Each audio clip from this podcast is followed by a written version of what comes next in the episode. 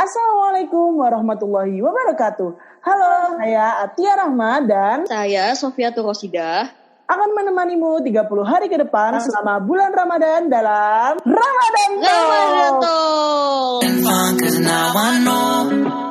it's time to purify your soul. The blessed month has come. Let's read Quran. Alhamdulillah, it's time for Ramadan.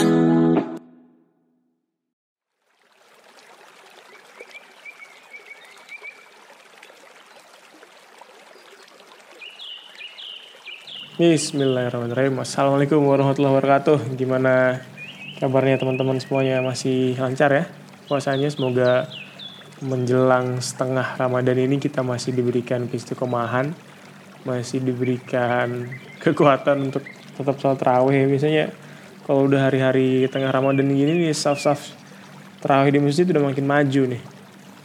Ya udah mulai pada sibuk cari diskonan baju lebaran kali ya tapi ya itu teman-teman ya. Gue pengen sharing sesuatu sih sebenarnya di kondisi Ramadan kali ini.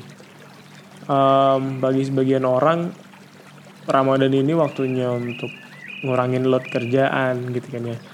Em, waktunya untuk apa namanya ngasih beban yang lebih ringan gitu kan buat badan. Dan waktunya untuk akhirnya beristirahat gitu kan dengan alibi oh lebih banyak ibadah gitu kan tapi sebenarnya harusnya Ramadan nggak gitu ya esensinya gitu kan. Kita kan kalau misalnya mau ngelihat sejarah ke belakang, Ramadan ini justru bulan-bulan di mana Rasulullah SAW pada zaman itu ya banyak menghabiskan waktunya untuk jihad gitu kan ya. Betapa banyak perang-perang yang berlangsung di Ramadan gitu kan ya. Banyak momen-momen sejarah yang yang tercipta gitu kan ya pada masa Ramadan gitu kan.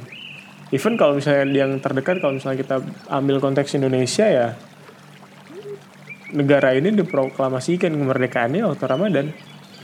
Gitu kan. Jadi sayang sekali kalau misalnya teman-teman hanya menghabiskan Ramadan untuk rebahan sih. Nah, makanya gue pengen sharing sesuatu yang insya Allah bermanfaat lah di tengah-tengah Ramadan ini buat teman-teman semuanya. Karena apa ya dalam menjalani hidup ini sayang sekali kalau misalnya kita jalani lempeng gitu aja tanpa makna. Gue pengen ngajak teman-teman semua untuk sedikit refleksi sebenarnya buat apa sih gue akhirnya ada di dunia ini gitu kan ya.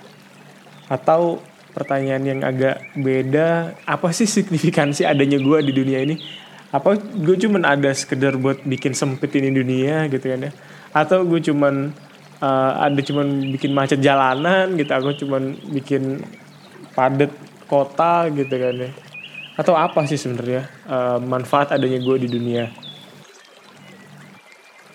Soalnya kayaknya sayang banget ya kalau misalnya adanya kita itu ternyata nggak berkesan gitu loh. Tidak meninggalkan bekas dan jejak apa-apa gitu. Setidaknya bagi lingkungan sekitar ya yang terdekat aja.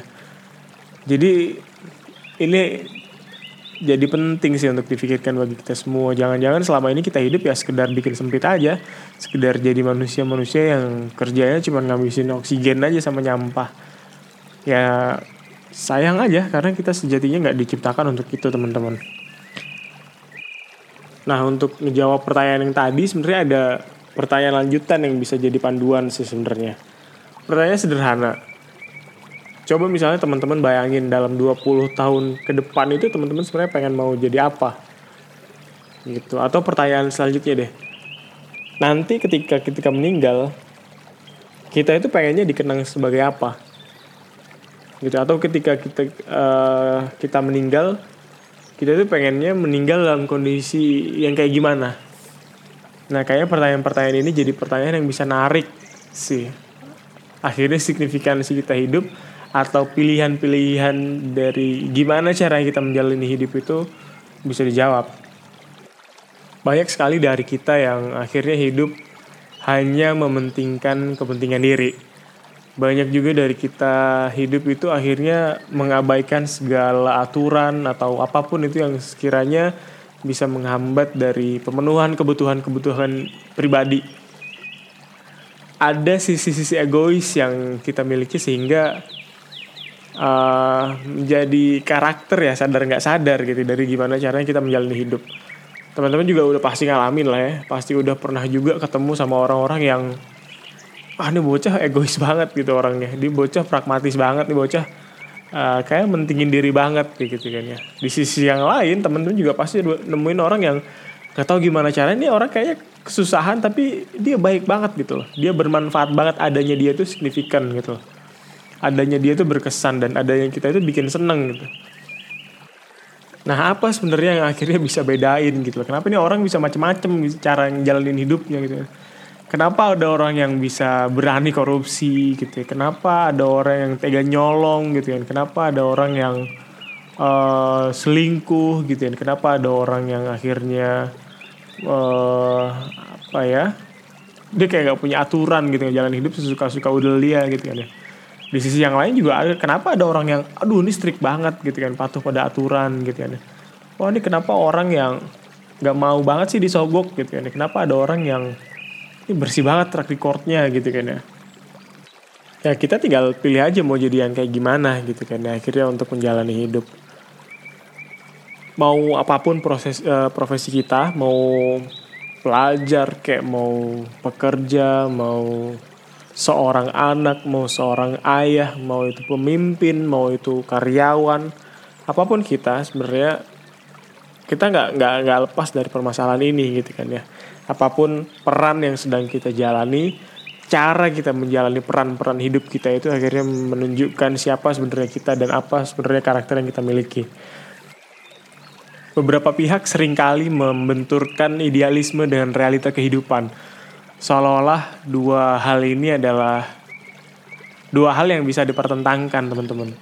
Jadi seolah-olah bisa menjadi alibi untuk menghidupi hidup yang nggak dengan cara yang ideal lagi karena apa? Karena dibenturkan dengan realita kehidupan. Padahal sebenarnya nggak gitu caranya dan nggak gitu konsepnya sih. Sebenarnya setidaknya menurut gua.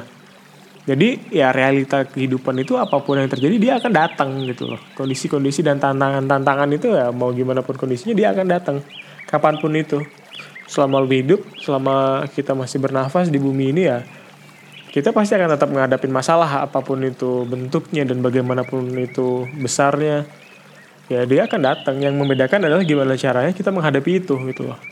Kita mau menghadapi itu dengan idealisme yang kita punya dengan value yang akhirnya mendrive karakter dan cara kita menjalani hidup atau ya kita mau menurunkan nilai kita dengan meninggalkan idealisme yang kita punya. Bagi gue pribadi ini bukan pilihan gitu ya bukan sesuatu yang bisa dipilih gitu tapi sebuah tantangan gimana caranya kita itu masih bisa terus melanjutkan kehidupan apa pun kondisinya apa pun tantangannya ya dengan idealisme. Dengan value yang kita punya dengan pedoman yang akhirnya memberikan kita batasan-batasan mana yang boleh mana yang enggak. Mana yang pantas mana yang enggak pantas. Itu kan yang akhirnya membedakan gimana caranya kita overcome suatu problem gimana caranya kita bersikap atas satu masalah yang muncul dan harus kita hadapi. Mau kita lari mau kita mau mm, bermain dengan cara-cara kotor atau kita hadapi dengan gentle dengan uh, apa namanya ya, idealisme yang kita punya. Itulah yang akhirnya menurut gue bisa membedakan nilai seseorang dengan orang yang lain gitu loh. Gimana caranya kita memberikan value terhadap apa yang kita kerjakan gitu loh. Nah, buat sebagian orang juga ada yang beranggapan bahwa idealisme itu ada waktunya dia hilang. Uh, contoh sederhananya gini, banyak juga orang yang beranggapan bahwa, wah dulu nih waktu mahasiswa idealis banget orangnya gitu kan, dia suka aksi, suka demo, suka berteriak-teriak atas nama rakyat, atas nama bangsa gitu kan ya, memperjuangkan kepentingan orang-orang yang tertindas, memperjuangkan keadilan dan seterusnya dan seterusnya. Tapi ketika dia udah nggak kuliah lagi, ketika dia udah masuk ke dunia uh, kerja gitu kan. Eh dia udah nggak dialis lagi nih gitu kan dia udah nggak demo lagi gitu nah tapi pertanyaannya apakah idealisme itu bisa diukur dari demo gitu ya apakah pertanyaannya uh, kalau orang udah jadi PNS itu dia udah nggak idealis lagi gitu ya kayaknya kita nggak bisa deh memaknai idealisme itu sesempit itu. Karena ya idealisme itu bukan cuman dilihat dari dia demo apa enggak di jalan nggak gitu gitu ya karena ya balik lagi ke penjelasan gue sebelumnya gitu kan ya. Idealisme itu mau di mana pun lu berada mau apa pun posisi lu dia itu akhirnya menentukan karakter lo gitu loh. Dia akan menentukan cara lo memandang apa yang lo lakuin di situ gitu loh. Bukan berarti karena orang udah nggak kuliah bukan mahasiswa gitu kan ya terus dia nggak ideal gitu kan ya. Bukan berarti juga karena dia mahasiswa dia orang yang idealis nggak nggak tentu juga kan kita nggak bisa jaminkan itu gitu loh idealisme itu bukan milik satu profesi atau satu peran tertentu di masyarakat ya. Idealisme itu menempel pada jiwa masing-masing. Tinggal kita gitu kan ya. Kita punya apa enggak idealisme itu? Kita punya enggak value yang kita pegang itu?